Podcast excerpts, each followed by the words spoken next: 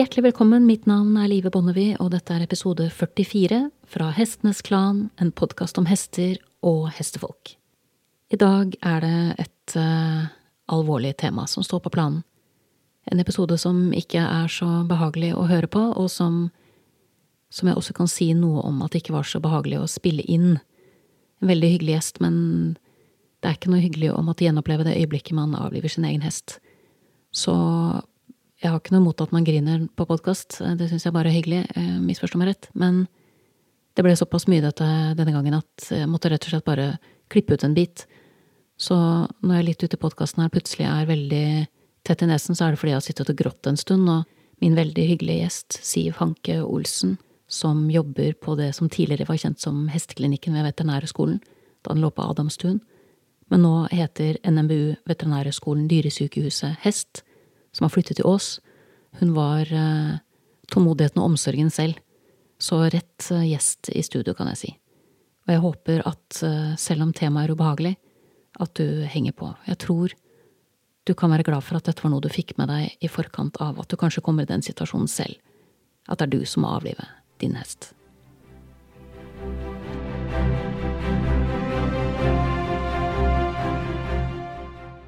Siv Hanke Olsen, vi sitter her for å snakke om et uh, alvorlig tema. Uh, vi skal rett og slett snakke om døden. Mm. Om det punktet der man må si farvel til sin følgesvenn. Dette er jo en episode som jeg har eh, planlagt lenge, fordi jeg syns det er et uh, viktig tema, og det vokser ikke minst ut av at da jeg var der selv og måtte avlive min første hest, så var jeg rett og slett ikke godt nok forberedt. Mm. Jeg um, jeg hadde jo kontaktet en veterinær, han gjorde alt riktig. Ingenting å si på den biten, jeg var egentlig veldig, veldig fornøyd med det. Men det var så traumatisk likevel, og det handlet om at jeg visste for lite om hva jeg gikk til, og jeg tenkte at jeg har lyst til å lage en episode som, som sier noe om det. Hva er det man går til? Og selv om selvfølgelig enhver avliving er jo ulik. Så jeg, det jeg gjorde, for jeg liker ofte å ha en personlig inngang i de episodene jeg lager, eh, det var at jeg kontaktet veterinæren som faktisk avlivet min første hest, og spurte om han kunne stille til dette intervjuet. Og da var jo han av det sjenerte slaget, viste det seg. Så da måtte jeg finne en annen. Og da har jeg rett og slett brukt tiden godt gjennom de første episodene jeg har laget, for jeg har snakket med mye veterinær etter hvert, og så har jeg spurt alle sammen, hvis jeg skal lage en episode om, om avliving og om livets siste fase, hvem er rette person å snakke med? Og da har jeg fått mange navn på blokka. Men det jeg merket meg, var at alle nevnte navnet ditt. ja. Det er kanskje ikke kompliment, men Men jeg tenker jo da at det er det, da. For det er jo, det er jo noe med å kunne et, et fag. Eh, og, og, vite noe om hvordan man gjør det på en ordentlig måte. Og ikke minst være i stand til å si noe om det. Og det er særlig det du har skåret høyt på, tror jeg. Altså både at du vet selvfølgelig veldig mye om det, men, men også at du, eh, at du har reflektert rundt hva dette komplekset er. For det er jo et det er et kompleks. Mm. Så eh, tenkte jeg det er alltid litt greit å starte litt med å høre litt om hvem du er i verden, for de eh, som ikke kjenner deg fra før. Mm. For du, nå sitter vi på NMBU eh, og på deres nye lokaler i Ås. Mm. Som jeg må få gi dere kompliment på at ser veldig bra ut. Ja. Så vi kan jo starte med hvordan du havnet eh, akkurat her. Ja, det har vært en lang vei, selv om jeg har vært der nå lenge. Jeg begynte jo, jeg var jo ferdig studert på slutten av 80-tallet fra Tyskland, Hannover. Og så begynte jeg først litt sånn allmennpraksis, for jeg tenkte jeg måtte prøve å bli veterinær. Men jeg er jo hestejente fra barnsben av og drev med hest hele veien, så det var jo den veien jeg ville gå. Så jeg, jeg, dro tilbake til Tyskland og jobbet på en klinikk der, hesteklinikk der. Og så dro jeg til Sverige og jobbet på veterinærskolen der. Og så kom jeg tilbake til Norge etter ti år i utlandet og begynte på, først på Bjerke. Og så havnet jeg her i Akademia, som det heter på fint, da, på veterinærskolen på Adamstua i 99. Så jeg har vært der eh, mange, mange år. Og sett litt forskjellige, forskjellige sider av hestepraksisen. Mm.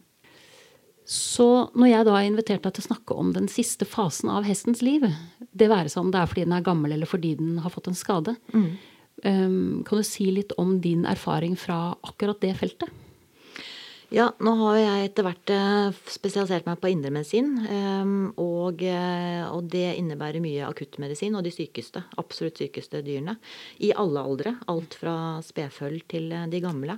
Så det er jo dessverre en veldig stor del av jobben min. Ehm, å få gjort så godt vi kan og utredet så langt vi kan og komme til en diagnose som noen ganger, selvfølgelig de fleste gangene, gjør at vi kan gjøre noe med det, men en del ganger så er det viktigere å si at det ikke går.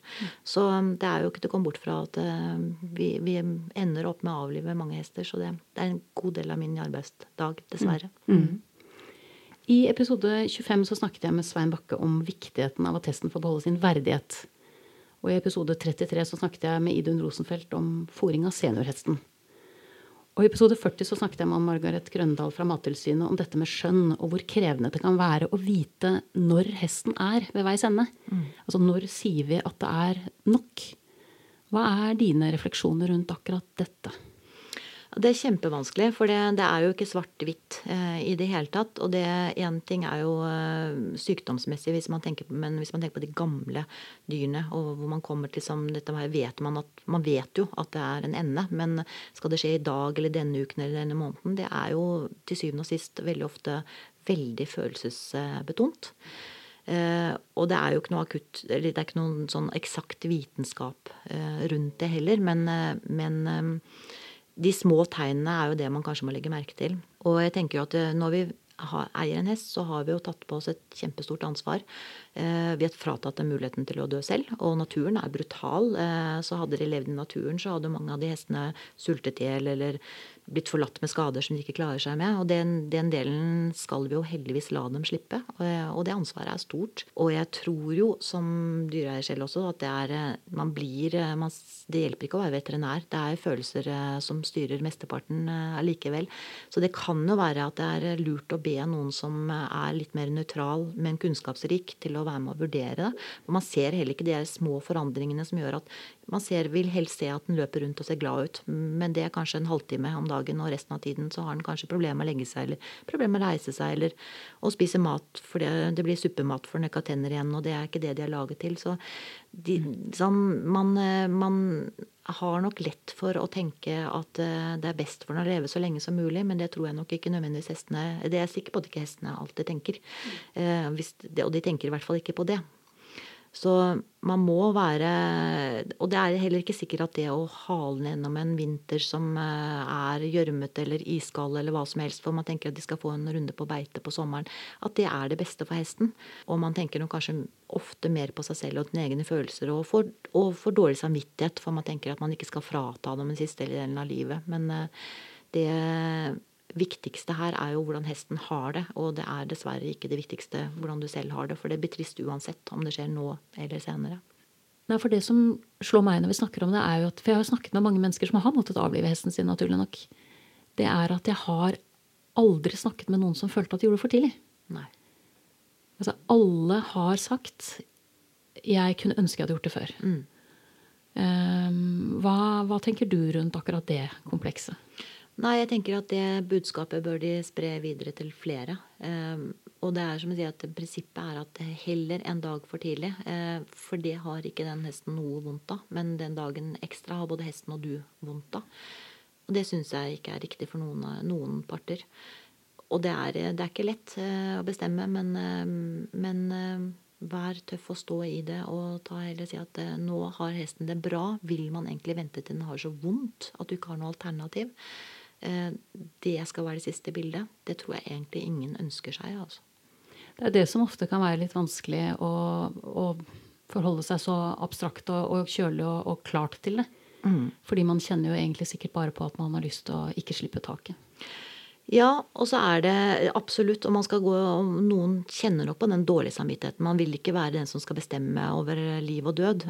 Og det skjønner jeg kjempegodt. Det er veldig unaturlig tror jeg, for oss å gjøre, i hvert fall til bestevennen. Så skal man ikke si at denne uken har vi bestemt oss for at du skal dø. Det er jo helt grusomt.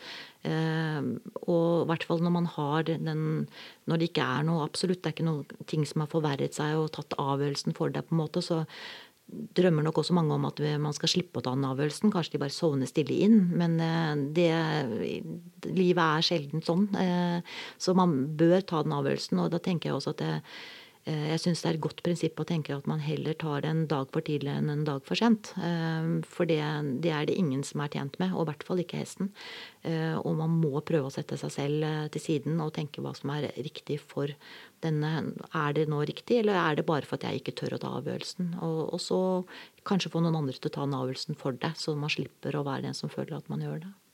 Det er vanskelig å altså, Som du, du var jo inne på, dette at vi fòrer dem gjør jo at vi, opp, altså vi er med på å skape en kunstig situasjon. Som du sier, hvis de hadde vært ute i det, ville, altså i det fri, så hadde de på en måte vært døde for lenge siden. Og det gjelder jo veldig mange gamle hester. Mm, absolutt. Ikke sant? Og så da er det å finne det punktet hvor, hvor ok, han er blitt litt tynnere. Han er blitt litt stivere.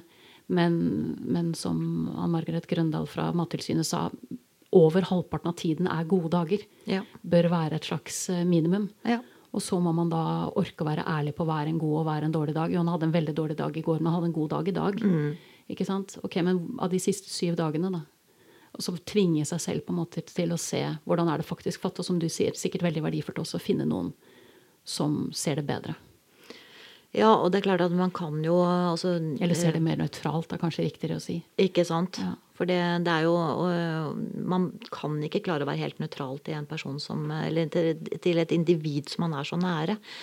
Eh, og så er det jo, kan vi gjøre masse med Vi kan sette dem på smertestillende, vi kan gi dem fòring som gjør dem lett å tygge og lett å holde dem oppe og sånn, men, men allikevel så kan det hende at Og det kan gå bra lenge, men, eh, men allikevel så, så er det jo en spiral som vil gå nedover. Og, og da er det jo viktig at man eh, er klarer å sette stopp i god tid før det blir gått for langt.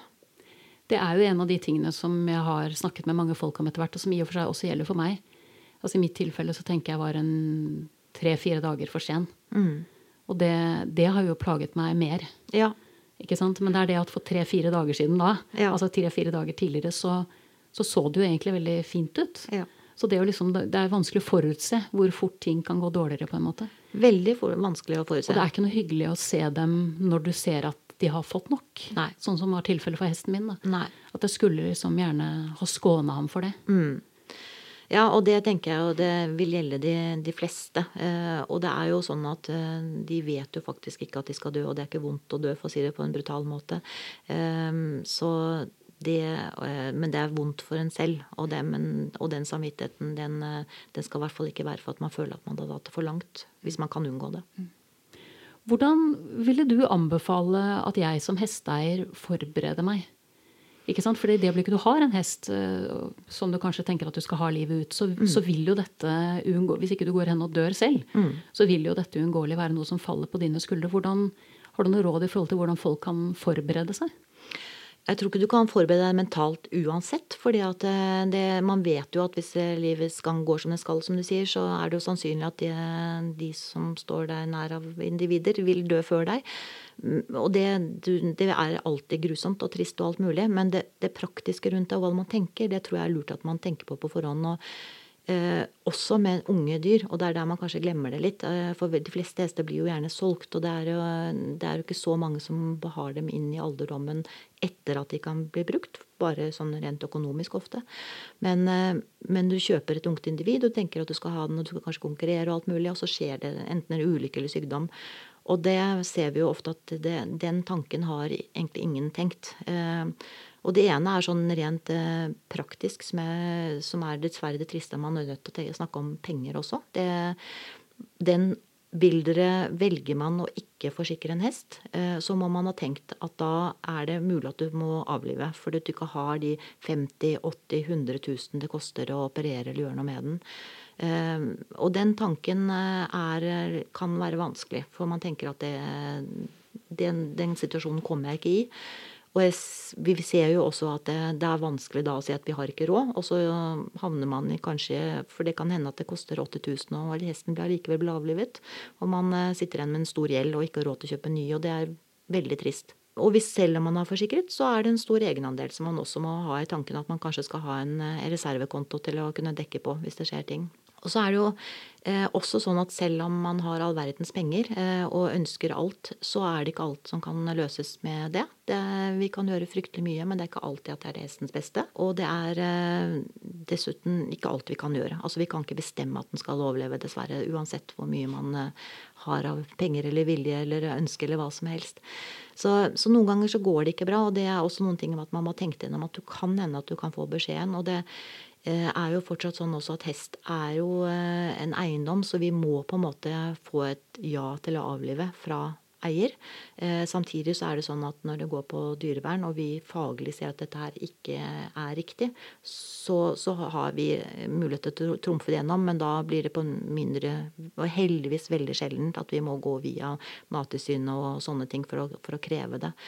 Um, men det er jo fryktelig vondt hvis man ikke har tenkt tanken i det hele tatt at det skal skje. Og det kjennes bare urettferdig og alt som det gjør noen, ganger. Men, men når, når, alt er bra, så er det lurt at man har tenkt gjennom at dette faktisk kan skje. Og eh, vil jeg da liksom forstå det? Eh, eller jeg, hvis jeg får et valg, har jeg muligheten til å ta det valget eh, i forhold til å fortsette? Det er lurt å tenke gjennom på forhånd.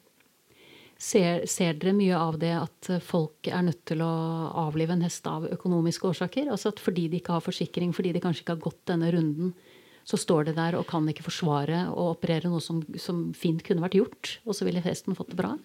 Eh, altså når vi snakker om den, eh, den, de situasjonene som virkelig er kostbare, så er det gjerne kolikkoperasjoner. Eh, og da må man også ha i hodet at det, det, er ikke, det er ikke noen liten operasjon. Og det er absolutt ikke sikkert at det er det beste for hesten. ja, for den er også, ganske tøff den perioden etterpå. Den er absolutt tøff. Den har jeg faktisk sett to ganger på nært hold og tenkt at det, jeg ville tenkt meg veldig nøye om før jeg kjørte det regimet der. Ja, og det er også greit at man vet. Og dessuten er det bare aktuelt å gjøre her på Østlandet.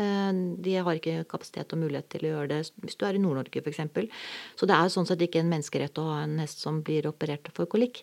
Eh, men det er de kostbare, eh, virkelig kostbare. Eller det kan selvfølgelig bli kostbart nok hvis du har noen alvorlige sårskader eller noen frakturer, altså brudd eller andre ting. Uh, og ja, det er absolutt uh, noen som, uh, som er, sier og tenkte gjennom og sier at det, da må jeg velge å avlive. Eh, og så er det en god del som ikke klarer å si det, og som nok kommer i gjeld og sliter med det etterpå. Eh, og det er forståelig i den situasjonen. Hvis du ikke har reflektert helt over det, så er det jo det er tøft. Det er tøft å være pappaen til den 14-åringen som eh, gråter og sier at pappa har ikke forsikret. Og det er tøft å være den 14-åringen eh, eller 20-åringen eller eh, og kanskje enda mer 50-åringen, for de er vel så involvert i det. Så, så, det er vanskelig å si at dette har jeg ikke råd til. Men jeg syns heller ikke man skal ha dårlig samvittighet før man tar det valget, faktisk. For det, det er store operasjoner. Det er ikke sikkert at det er hestens beste, og det er i hvert fall ikke noe som den vil lide noe mer hvis den hvis det blir avlivning så blir valgt. Hvis vi da kommer til dette punktet hvor avliving eh, står på planen, enten fordi man har hørt på veterinærens anbefaling, fordi man ser det selv, altså bare aksepterer at sånn ble det, hvilke muligheter, eh, hvilke muligheter har jeg som hesteeier da? Ja, altså De tilfellene hvor det er, er, planlagt, for å si sånn, altså med en eldre hest eller noen ting som har sagt at nå, når man har kommet til den fasen at det, det er riktig å avlive, så eh, kan man jo Nå er det jo å sende hester til slakt er jo blitt eh, nesten eh, fraværende, fordi at hestekjøttet er vanskelig å omsette. Eller for å si det på en annen måte, det er eh, vanskelig å få det brukt. Det er blitt veldig mye strengere med at det skal i forhold til medisinbruk. Man må ha godt dokumentert med helsekort lang tid tilbake. Så, så, det er, gjøres mindre og mindre, og blitt et, rett og slett et avfallsproblem som er litt trist i forhold til at mange sulter i verden. Så er det jo litt trist at det er blitt sånn. Men Eh, men det er fortsatt mulig, eh, og da er det jo eh, Da må man kontakte slakteriet og finne, se litt hvilke muligheter de har. Noen slakterier nå har jo også blitt De som driver fortsatt med hesteslakt, er en del steder hvor de slakter utendørs, sånn at hesten ikke behøver komme inn på slakteriet engang, og lagt det veldig til rette for slakt av hest. Ja, så det er, det er sånn de har løst det, for det ville vært mitt neste spørsmål. Det ville jo For meg ville det vært en veldig uaktuell vei å ta. Ja. Nettopp fordi jeg ville tenkt at da får han jo en veldig fornemmelse av at her er det et eller annet som er riv ruskende galt. Ja. Dit vil, vil, jeg jo nødig med hesten min. Men da har de altså løst det ved at de, ved at de gjør det utendørs et sted hvor det er ja. mindre tegn på at det kommer til å skje noe dumt, for å si det sånn. Det har skjedd mye på den fronten i senere år. For det, og det, hester er jo veldig vare for det. Og jeg vet at slaktere har syntes at det har vært vanskelig mange steder hvor de hører lyder og lukter og sånne ting. Og det, det har nok de aller fleste slakteriene nå har nok noen helt andre rutiner nå enn de hadde for ikke så mange år siden. Ja, så bra. Så det er den ene muligheten. Eh, ellers er det jo mulig å gjøre det hjemme. Men da må man også tenke på at det er eh, det praktiske. Det er, de veier fryktelig mye. Eh, så man må ha en tanke på hva man gjør etterpå. Og det, vanligste er jo da at hesten blir hentet etterpå, etter avlivning. gjerne da av Norsk Protein, som kjører rundt og har sånn henterunder. Og da må man vite når de kommer, for det er jo dumt å, Man bør helst ikke liksom, gjøre det mange dager før hvis man kan planlegge det. Um, da, og det kan da, hesten kan da avlives av veterinæren. Uh, enten via sprøyte, som nok det mange gjør hjemme også, eller at de bruker boltepistol uh, hjemme på gården. Er det de to valgene man har? Hvis man velger avliving på gården? Man kan få også slaktere til å komme hjem. Eh, nødslakt er, eh, det er jo mer eller mindre avviklet. Eh, også fordi at de fleste som sagt ikke kan brukes pga. medisiner, og da, da, vil jo ikke slakteriene ha dem. Men det er fortsatt slaktere som kjører rundt og slakter hjemme. Mm. Ikke nødvendigvis at da kjøttet blir brukt, men at de kan da ta med seg kadaveret etterpå allikevel. Og da bruker man jo boltepistol. Det man også skal være klar over hvis man Jeg tror for hestens del så spiller det rolle, men det kan gjøre, spille absolutt stor rolle for de som er rundt. Eh, fordi eh, slakt betyr jo også at eh, man svimeslår egentlig hesten langt over det den har mulighet til å våkne til live igjen. Men for at døden skal inntre, så må man også avblø, og det er mange liter blod. Og det, det, smeller, det kan se litt dramatisk ut. Ehm, det gjør det i og for seg uansett når en hest legger seg brått. Som, man skal også ha tanker rundt det. Mm. Men, eh, men, akkurat ehm, med bolting så kan det nok se litt dramatisk ut for, eh, for de som er rundt. Så det kan også være greit å være litt forberedt på. Det var jo en av de tingene som jeg var uforberedt på med min hest, som mm. ble avlivet med bolt. For meg var det veldig naturlig å velge noe som skulle komme litt brått på ham. Ja. Så jeg syns det var et enkelt valg sånn sett, men jeg var ikke forberedt på hvordan det høres ut når en hest på 400 kg faller. Nei. Ikke sant? Og at, og at, beina beveger seg litt etterpå. Sånn at det, jeg blir aldri kvitt de lydene. på en måte. Jeg kan trøste deg med at eh, jeg vet ikke, jeg har ikke tall på hvor mange hester jeg har avlivet, og jeg føler er veldig sånn trygg på at det, den jobben jeg gjør der, den kan jeg. Eh, men jeg har ennå ikke tatt og boltet en eneste hest. Eh, og det er ikke for hestens skyld, det er rett og slett bare for at jeg vil vite at dette kan jeg 100% og de slakterne eller de som gjør det mye, de er kjempeflinke med det. Men, men det er smellet, som du sier, og det det er, ser litt mer dramatisk ut. Så, og det er, er ikke noe vitenskapelig basert i det hele tatt min grunn til at jeg bruker sprøyte. Mm, nei, ikke sant. Nei, for det er jo også som du sier, at det, det, vet man jo ikke nødvendigvis heller at etter at man har brukt bålpistolen, så er det nødt til å stikke hull på en åre, sånn at testen faktisk får ut blod så man er helt 100 sikker på at det er over. Ja. Så, så, det er klart at når man står der og ikke kjenner til de tingene fra før I mitt tilfelle var jeg egentlig veldig heldig, for jeg hadde med søsteren min. Ja. Så hun kunne på en måte gå bort etterpå og eh, legge, hun la noen bregner over. Ja. Ikke sånn, Så kunne jeg liksom se hesten. Ja. Så det, det, var veldig fint. Men jeg, jeg kjenner jeg blir lei men jeg snakker om det fortsatt. Ja, men det gjør man. Det er jo det, er jo det verste øyeblikket man kan tenke på i det hele tatt. Og det, det hjelper ikke um, hvor lang tid det går når man settes tilbake i den stemningen. Jeg skjønner det godt. Men det er derfor jeg tenker at det er litt viktig å snakke om det. Det er det. Og det, man må sette seg i den situasjonen noen ganger, og, og selv om det er bilder man ikke vil eh, ha. Men, men, akkurat det du snakker om der, tror jeg også er veldig viktig at man uh, har tenkt igjennom. Vil man egentlig ha det siste minnet? For det er jo det andre som jeg egentlig pleier å prate litt godt sammen med, eller nøye gjennom med eiere med. at jeg personlig vil ikke huske det siste, at hesten faller brått i bakken med det som er rundt om. Det skal ikke være mitt siste minne om de jeg har vært veldig glad i. Eh, og så må man også huske på at en hest er En hund er litt annerledes, for den er sammen der 24 timer i døgnet, og den er tryggest ofte sammen med deg, i hvert fall til den er blitt beroliget. En hest er vant til å bli håndtert med mange andre, og er veldig var for din sinnsstemning. Ehm, så en hesteeier skal ikke stå og holde en hest eh, i den situasjonen der, for man vet heller ikke hvordan man selv reagerer, eh, og de vil merke at du ikke har det bra. Det er bedre at den håndteres av noen som er helt nøytral og rolig og trygge på situasjonen, er jeg ganske sikker på. Eh, og jeg pleier også å si at eh, ikke bli med på akkurat den biten der og se den falle. Husk på å se den fint og fint der den går eh, av gårde nå. Og så kan man heller, hvis man kjenner at man trenger å ta den avskjeden, så gjør det etterpå når de ligger helt stille. For da er det stille og fredelig. Spesielt hvis de da ikke er så blitt boltet og mye blod og sånn, men er det med avlivning, så, så ligger de stille. Men man må også vite at selv om vi gjør det med medisiner, så er det jo noe spesielt å se hesten ligge der. Ehm, det er jo også ting som ikke har noen ting med bevissthet å gjøre i hele tatt. Men de er jo store muskelgrupper, så de kan ta, trekke sånn voldsomt tilsynelatende trekke pusten voldsomt eh, en god stund etterpå. Ikke bevisst i det hele tatt. Eh, de ligger også med åpne øyne, som kan være litt eh, skremmende. Så man må ha litt sånn vite litt om dette før man kommer tilbake igjen. Men, men det å vite at liksom, nå er det over, det, det er den del som syns er riktig. Og det må man også kjenne litt på på forhånd forhånd. Lurt å tenke gjennom på forhånd. Mm. Så dette valget mellom uh, å bruke en sprøyte og bruke bolt, det, det, er Hva skal jeg si? Uh, fordeler og ulemper, kan man si det, med begge deler. Ja, det er det. det absolutt. Mm. Jeg var jo opptatt av at han ikke skulle skjønne hva som traff ham. Mm. Og jeg var egentlig veldig heldig med veterinæren, for han gjorde det jo veldig raskt. Ja. Sånn at jeg var ikke egentlig forberedt selv heller, og det var egentlig bra for meg. Ja.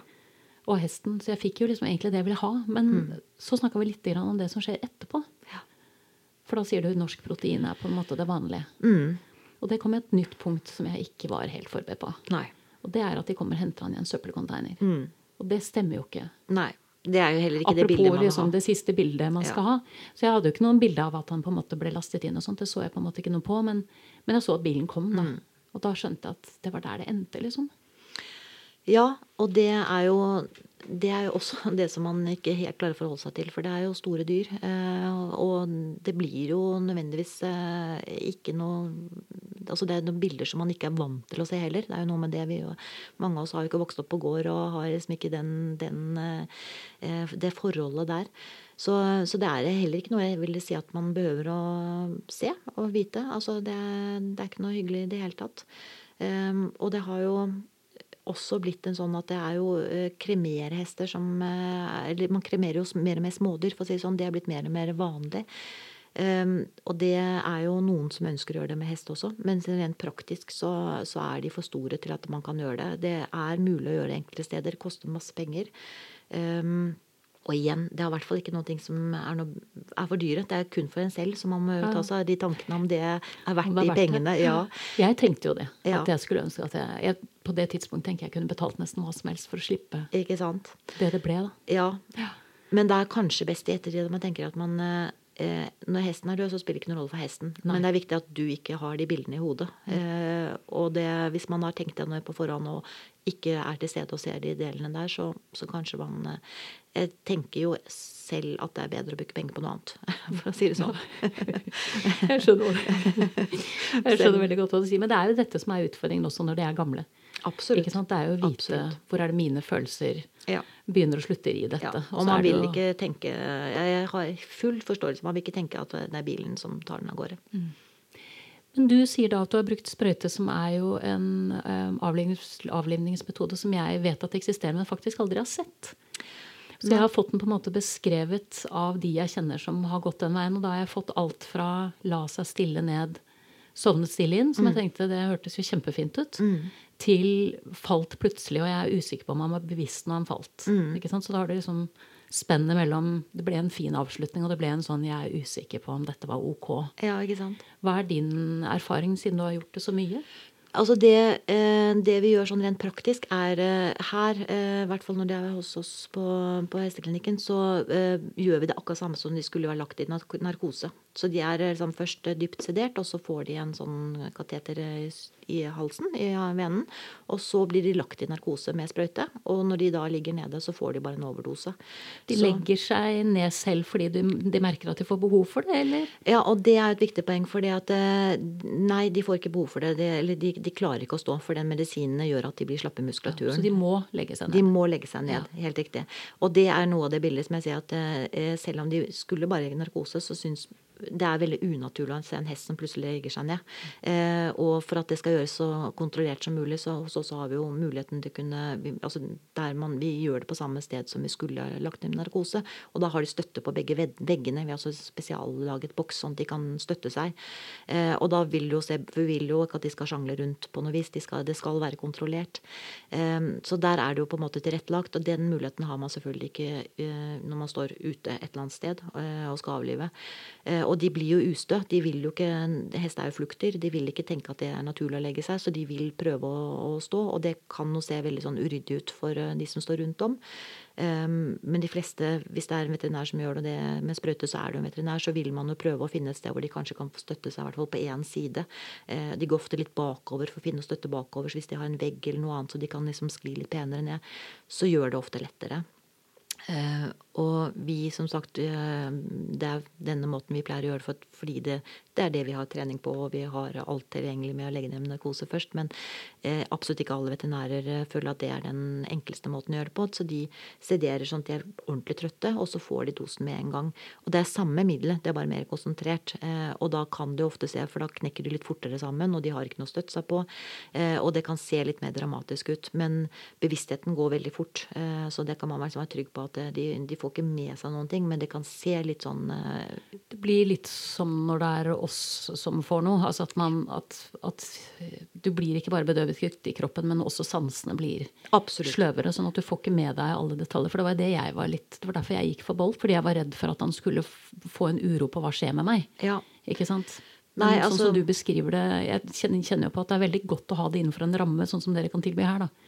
Ikke sant? Hvor det er flere faktorer man ikke har kontroll på. For jeg, med Bolt følte jeg at jeg hadde veldig kontroll. Absolutt. Ikke sant? For det, det, skjer akkurat i det øyeblikket det skjer, på en måte. Men, men så er det jo den Du beskriver jo dette med at det kan være ubehagelig å se dem semi knekke seg ned for, uh, i forbindelse med at de får en sprøyte. Men når liksom 400 kilo bare faller om mm. kull, ja. altså den lyden det lager Jeg husker jo mm. ikke lyden av boltpistolen, men jeg husker mm. lyden av min egen hest som treffer bakken. Mm. For det har han aldri gjort i de 17 årene jeg har hatt ham. ikke sant? Den lyden er kjempespesiell.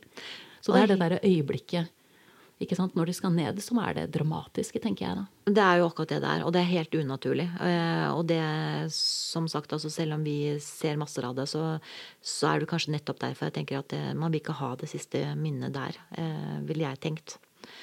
Og noen ser det annerledes, men eh, hvis man ikke har opplevd det før, så tror jeg heller ikke man er forberedt på det. Og, og som, som, du da kanskje tenker at det er ikke det jeg ville husket. Det tenker jeg jo litt av, av baktanken med denne episoden. Det er jo at man skal få muligheten til selv å tenke mm. hvor vil jeg være i dette når det skjer? For det er ikke alltid man har tid til å tenke seg så Nei. fryktelig mye om. Så på en måte ha tatt det varvet på forhånd. så Det ikke er så, for det er ille nok at du mister vennen din, men du skal på en måte også bestemme hvordan, ja. når Altså, ja. det, er ganske, det er en ganske voldsom dag.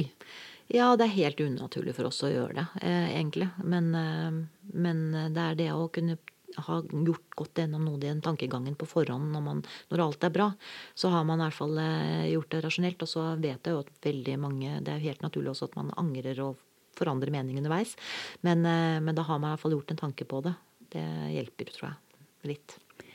Så basert på altså I og med at jeg har jo sett to hester avlivet. Mm. Du har kanskje ikke engang tall på Nei. dine? Nei så, så, er det jo lettere for deg å gjøre en litt mer sånn overordnet betraktning på, som du sier, hva man skal skåne seg for. Jeg, for meg var det litt sånn jeg ville være med på alt. Mm. Og så visste jeg at det kom til en pris, mm. men den var jeg liksom villig til å betale. Mm. Men jeg tenker at det er viktig at uh, i den grad det går an å få noen råd eller fange opp noen tips fra en som har sett mye av det, da. Hva, hva, hva tror du um, Det er umulig for deg å svare på dette spørsmålet, så det er frekt å stille det. Men, men, basert på statistikken din, da, hva tror du at, uh, at er den beste måten å se hesten sin forlate livet på? Ja, jeg tror at vi er, vi er, helt forskjellige som mennesker, så jeg tror uh, det er veldig vanskelig å si noe sånn som passer alle. Eh, og det er vel akkurat dette her ved at det, er viktig å tenke på seg. Man kjenner seg selv best, eh, og prøve å tenke gjennom det så langt man orker. Og stort sett så orker man jo ikke tenke tanken helt ut, for det, det blir for vanskelig. Men, eh, men, jeg tenker jo for de aller fleste som jeg har, eh, har sett og snakket med og, og opplevd, så, så, skal man ikke være altfor nære. For det første så vet man ikke hvordan man reagerer. Og, og det en av grunnene til å si at en eier skal ikke holde hesten, er jo både fordi at hesten tror jeg ikke har noe glede av det. Og det er jo det man ønsker, at man tenker man skal støtte den og liksom være, ta det, stå i det, på en måte. Men jeg tror ikke det er noen som eh, har noe godt av det. Jeg tror hesten har det mye bedre hvis den håndteres av noen som ikke er så emosjonelt eh, tilknyttet. Og det andre er at det kan være farlig, uh, fordi at man ikke vet som sagt, hva man gjør. Og jeg har opplevd eiere som da plutselig løper bort og skal støtte hesten eller holde den, eller sånt, og det er livsfarlig for alle. Uh, så, så, ikke gjør det. Og så er det som sagt det å se en hest falle litt sånn brått ser dramatisk ut uansett. Selv om vi ser det hele tiden og er vant til det og vet hva som skjer, så, så er det ikke noe vanskelig å skjønne at det, at det ser feil ut for enhver eier, og spesielt en som man aldri har sett gjort og kjent i alle år. Så, så det er ikke et bilde som jeg syns man behøver å ha. Det, det, er ingen som har ganget med det. Det eneste må være hvis man føler seg liksom Man vil bare vite at det har gått ordentlig for seg. Eh, og da vil jeg tenke at det beste er jo å spørre de som har vært der etterpå. For du får et ærlig svar. Og det er jo Vi vet jo at de er ikke bevisste når de faller. Så det er ikke noe som Det kan se dramatisk ut, men, men de får det ikke med seg. Det er så mange legger man i narkose, på en måte, at vi vet det. Men, det er jo en eh, veldig viktig bit av dette puslespillet, tenker jeg, å vite det sikkert fra de jeg har snakket med som, som da har opplevd det at hesten ja. faller, rett og slett, veldig sånn dramatisk. Ja. Eh, og det høres jo på samme måten ut som den gangen hesten min falt, men, men denne uroen på Merket han at han ikke falt? Ikke sant? Ikke sant? Merket han at hodet hans traff bakken? Altså de tankene som man tenker ja. i knytt, til, tilknytning til det. Ja. At det er jo veldig fint at dere som har dette som fag, kan si at det kan dere garantere. Ja. For jeg tenker Det er litt sånn viktig hvis du velger mellom bolt og sprøyte. Det er jo nettopp det der at du vil jo prøve å, sikre at hesten din blir så lite belastet i den situasjonen som mulig. Absolutt. Og da er jo det ekstremt viktig å vite, rett og slett. Det er jo det. Det er jo de minuttene som er, man virkelig gnager på etterpå og mm. tenker på. Så det skal jo være på en måte som de De skal ikke få med seg noen ting. De skal ikke ha noen følelse av det, hva som skjer i det hele tatt. Og det, det, det føler jeg meg trygg på når man uh, gjør det på den måten. Men, uh, men samtidig, som sagt, altså de bolting Bortsett fra at det ser dramatisk ut for alle rundt om, så er det jo De har jo ingen formening om det heller. Og veldig ofte så er det jo også sånn at de eh, hestene blir ikke brukt til mat allikevel, og da kan de beroliges på forhånd. Eh, som er bedre for den som skal både bolte og den som står rundt om også. Så, så det, det, er begge muligheter. Men eh, jeg tenker at som sagt, det akkurat den der fallet, det behøver man ikke å være med på. Det er ingen andre altså, det, det, er ikke noe siste minne man behøver å ha. Man kan føle seg trygg på at det går bra. Jeg syns jo det er veldig fint å få ditt perspektiv på det, nettopp at man ønsker å stå der. Mm. Uh, og at uh, din erfaring er at det er ikke så mye man har glede av det som eier. Nei. Og at det heller ikke har noen gevinst på en måte for hesten. Nei, for det, jeg tror at veldig mange, og det, det har man jo i hvert fall fra, på smådyr, så tenker man at man skal Det må man orke. Og, men hund er det jo en annerledes på mange vis. Eh, men hest så er det ikke det samme. Eh, og de er dessuten enda mer var for følelser. Så ikke glem det. Liksom, at det der å ha profesjonelle, rolige mennesker som de også kanskje kjenner Det er jo, hender jo noen ganger at det i hvert fall bolter at det er noen på stallen som, som, som tar den jobben, på en måte. Så, så er det bedre, eh, faktisk. Og da slipper man også å stå i den situasjonen selv. For det, man skal ikke ha noe dårlig samvittighet for man sier at den fasen skal ikke jeg være med på. Det er ingen grunn til å ha dårlig samvittighet for. Det koker jo litt ned til tillit, egentlig, da. Ja. Altså at, at, Hvis man har tillit til at det blir gjort ordentlig, så ja, er det lettere å la ja. være. Og da kan man jo, hvis man føler at man ikke har helt den tilliten, så er det jo også Kanskje man har en annen person som orker å stå der, som ikke er så involvert, som kan gjøre det for, for deg. Så får man det som referert fra en person som man i hvert fall stoler på. Det, det er jo et alternativt. Mm. Mm. Når dere er i den situasjonen hvor det er en hest som kommer hit som skal avlives, eh, har dere liksom, lager dere da et sånt eh, vindu som er ganske romslig i forhold til tid? Sånn at hvis jeg kommer og jeg blir nervøs, eh, begynner å tenke jøss, burde man kanskje trukket seg på dette at det finnes liksom rom der, eller er det litt sånn effektivt, hvis du skjønner forskjellen?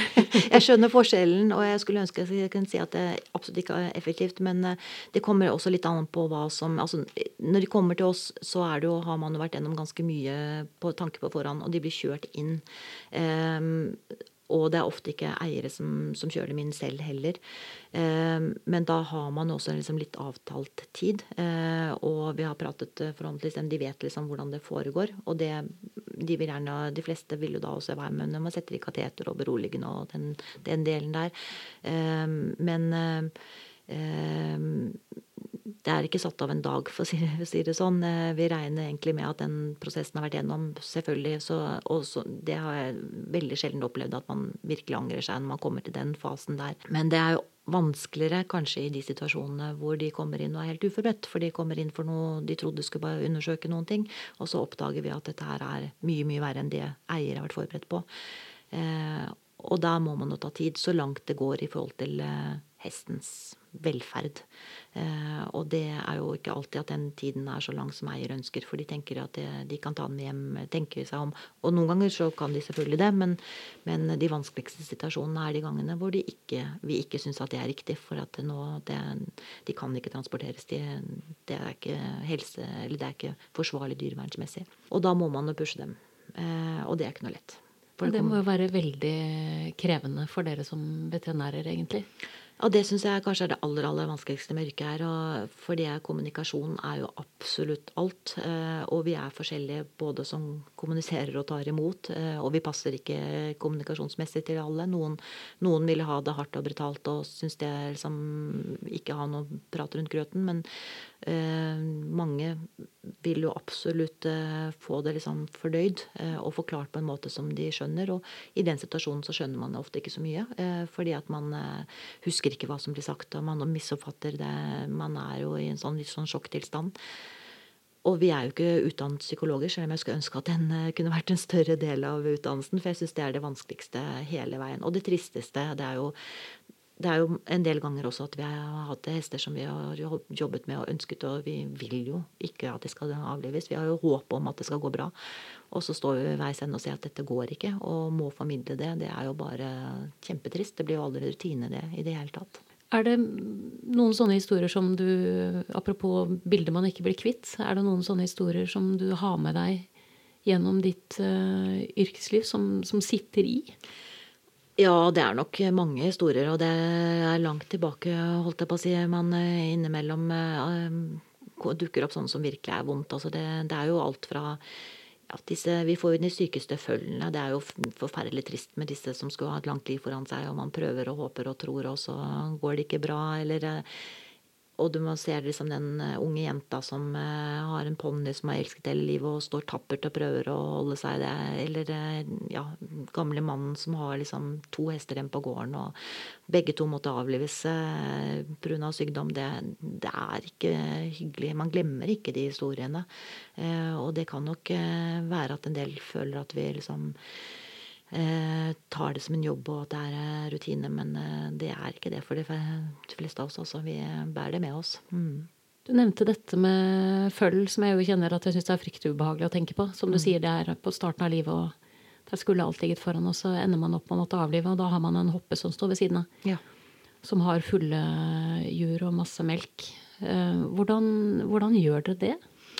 Og det ene man skal huske på, er, igjen så er det sånn det, Dyr er ikke mennesker. De har eh, instinkter, og det er de skal forholde oss til. Og det er jo også sånn at veldig ofte så har hoppa skjønt det lenge før vi har skjønt det. Eh, og noen ganger så skjønner de kanskje litt for mye, for det er jo noen av de som de nok har gitt opp, som vi klarer å få halt igjennom allikevel. Men det tar de jo mot som en sånn positiv ting, da, som regel. Men Eh, veldig ofte så er de ferdig med det. Eh, rett og slett. De har skjønt at dette er, er ikke som det skal være, særlig litt erfarne hoppende. Men det som vi prøver så sant det er mulig, så eh, etter at vi da har avlivet følget, så lar vi følget ligge hos hoppa. Eh, og hvis de ikke har skjønt det på forhånd, så skjønner de i hvert fall da. Og hvis de bare får litt tid, noen timer sammen med dem, så, så de, har de en helt annen oppførsel. Da går de vekk fra det, og kanskje de knegger en gang eller to, men så har de gått videre og tenker på neste følg, som de ofte bærer. Eh, og melken stopper også veldig fort. Man tar bort eh, kraftfôret sånn, som er overskuddet, på en måte, og så stopper det ganske raskt. Så hvis man ikke er så heldig at det, man kanskje kan eh, Det hender jo av og til at vi har det motsatte, så vi kan koble sammen med følg som er morløst, og så kan man eh, gå videre på den måten der. Mm. Det må være tøft når de er så små, som du sier. Ja, også særlig fordi at de små er jo Det er jo der virkelig intensivmedisinen som er det morsomste og mest dramatiske og, og mest følelsesmessige berg-og-dal-banen som man driver med. For eh, der eh, driver vi jo helt på liksom, superintensiv. De ligger jo på De gjør ingenting selv. Vi gir dem jo væske og mat, og vi har dem på oksygen, og vi snur dem og løfter dem og mater dem og gjør absolutt alt som, som spedbarn eh, på, på et sykehus. Så det er klart man får jo ekstremt, blir jo ekstremt tilknyttet til disse. Og det, man legger jo enormt arbeid i det. Det kan jo ikke sammenlignes i timer. For det, det, er jo de dårligste bor det jo noen inne hos hele tiden. Så, så det er klart at det, um, de er jo bittert når det ikke går bra. Og det er jo, de er løpsdyr, så de skal flukte. De det er veldig små marginer på dem. Så det, det er ikke til å komme bort til at de aller dårligste er det jo mange av de vi ikke klarer. Så man blir jo litt eh, forberedt på det. Og vi må forberede studentene på det, som ofte er de som sitter veldig oppi dette her. Men, eh, men det er jo trist hver gang. Absolutt. Hvor lenge kan det pågå? Altså, si du har et følge som blir alvorlig sykt. Eh, hvor lang tid kan det være snakk om på det lengste, hvor dere kanskje likevel klarer å redde følget? Altså, hva slags og Det er vanskelig å si. Det er, mye, det er jo medisin her, og det er noe som er altså Følg er det som er vanskeligst å gi en prognose på. Eh, absolutt. For det, det, det, er så mye faktorer som vi ikke kan styre og ikke vet noe om. Um, så, men vi pleier å si at når de kommer inn sånn riktig riktig dårlig med gjerne sånn generell infeksjon og underutviklet på lunger og en del sånne ting, så, så, så, igjen er vi tilbake til pris. Det er jo kostbart selvfølgelig å ha noen sittende døgnet rundt hos disse spedfølgene. Så, så er det vanskelig for eier å si at uh, dette har jeg ikke råd til. Kan vi ikke se han til i morgen? Og det kan vi. Vi kan absolutt se han til i morgen. Men jeg vet at den ikke kommer til å vite så veldig mye mer i morgen. Vi må tenke 14 dager ned i tid. Eh, og det kan godt tenkes da at i løpet av disse 14 dagene mest sannsynlig vil vi jo se hvilken vei det går, men det er ikke sikkert. Eh, så kanskje man må holde på 14 dager og si at det går ikke allikevel. Den vil ikke kunne klare seg. Så, um, så vi har hele spennet her. Noen ganger så, så snur det brått. ene, Det er sjelden at det snur brått til det positive, kan jeg vel si. Det, det beste vi kan håpe på, at det langsomt går bedre. Men det kan brått bli verre. Hva med mor eh, oppi dette? Ja, nå har vi jo endelig fått laget litt sånn klinikk som vi ønsker. Eh, vi har to sånn spesialbokser som er laget spesielt til dem. Eh, fordi eh, det er fryktelig vanskelig å ha de intensivfølgende sammen med mamma, for hun vil gjerne blande seg inn i behandlingen. Så samtidig så vil vi ha dem nære, for det, meningen er jo at, ta, at, det skal gå bra. Så de må på en måte ha kontakten. Så nå har vi fått laget bokser hvor de kan stå i sin egen boks, og så kan de, hvis de i hvert fall oppfører seg og ikke prøver å bite verken oss eller det vi har rundt følget, så kan de stå med hodet inn til følget, men ikke komme borti alle ledninger og alt annet vi har der. Så, så, nå har vi fått laget det sånn jeg tror det skal bli veldig mye mer praktisk enn det vi har fått gjort tidligere. Mm. Fantastisk. Ja, det, det, er nå sesongen begynner. Jeg gleder meg veldig til det. jeg tenkte avslutningsvis, Siv, jeg skulle stille deg det spørsmålet som jeg stiller alle gjestene mine. Om det er noe du har opplevd gjennom din lange praksis som du syns at det er viktig at hestefolk vet? Oi, Om du har en kjepphest, en fanesak, en ting som du ofte har tenkt åh, det er så dumt at, eller jeg kunne ønske at, eller hadde det ikke vært bedre om. Ja. Og de, veldig mange når jeg stiller det spørsmålet, sier én ting. liksom jeg har jo hundre, ja. men, men, ofte har man én ting som man tenker at det er naturlig å trekke fram. Ja, og det er vel litt av grunnen til at jeg sitter akkurat her. For jeg tenker at eh, ikke nødvendigvis bare avledning, men tenk på at den hesten du kjøper, den eh, vi ser den, den, siden hvor de blir syke. Eh, og ha en tanke rundt det. Hva gjør man? ikke kast dere ut på å kjøpe en hest uten å vite at de faktisk blir akutt syke. Hva, Hvordan håndterer man det? Eh, har vi økonomien til å håndtere det?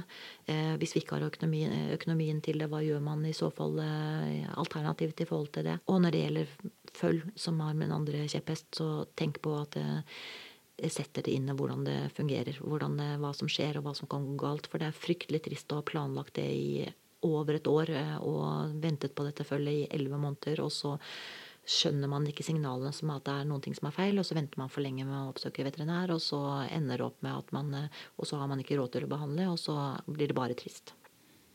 Det er kanskje én av alle fansakene. Ja. Så økonomi, det er egentlig litt interessant at du bringer det på bane, for det er en refleksjon som jeg har hatt en del eh, av ulike årsaker selv i det siste. Også mm. fordi jeg for første gang i mitt liv egentlig har opplevd at hesten min har vært litt syk. Mm. Han er jo, er jo fullforsikret ut fra en forestilling om at jeg vil aldri at det skal stå om penger. Nei. Eh, men, men, jeg tenker avslutningsvis for min egen del også si noe om at eh, det er dyrt å ha hest. Veldig dyrt. Og, og det forplikter. Så jeg tenker at hvis man ikke har råd til å ta vare på den, så, så har man egentlig heller ikke råd til å ha den. Nei, og det er kjempeviktig, for det er ikke noe menneskerett å ha egen hest. Eh, det er mange andre måter man kan ha glede av eh, hest på. Eh, og det er kjempedyrt. Og det hjelper ikke om man klarer akkurat de daglige utgiftene, for det vet man jo alt om, at det, kommer på så fryktelig mye mer. Så, så, de tankene må man ha gjort. Både som hesteeier selv, og ikke minst når man skal kjøpe til sine barn. Når man kanskje ikke har fått fortalt hele sannheten fra barna som gjerne vil ha. Og det er også litt eh, trist når de da står i den situasjonen og ikke pappa har fått beskjed om hvor mye det egentlig koster.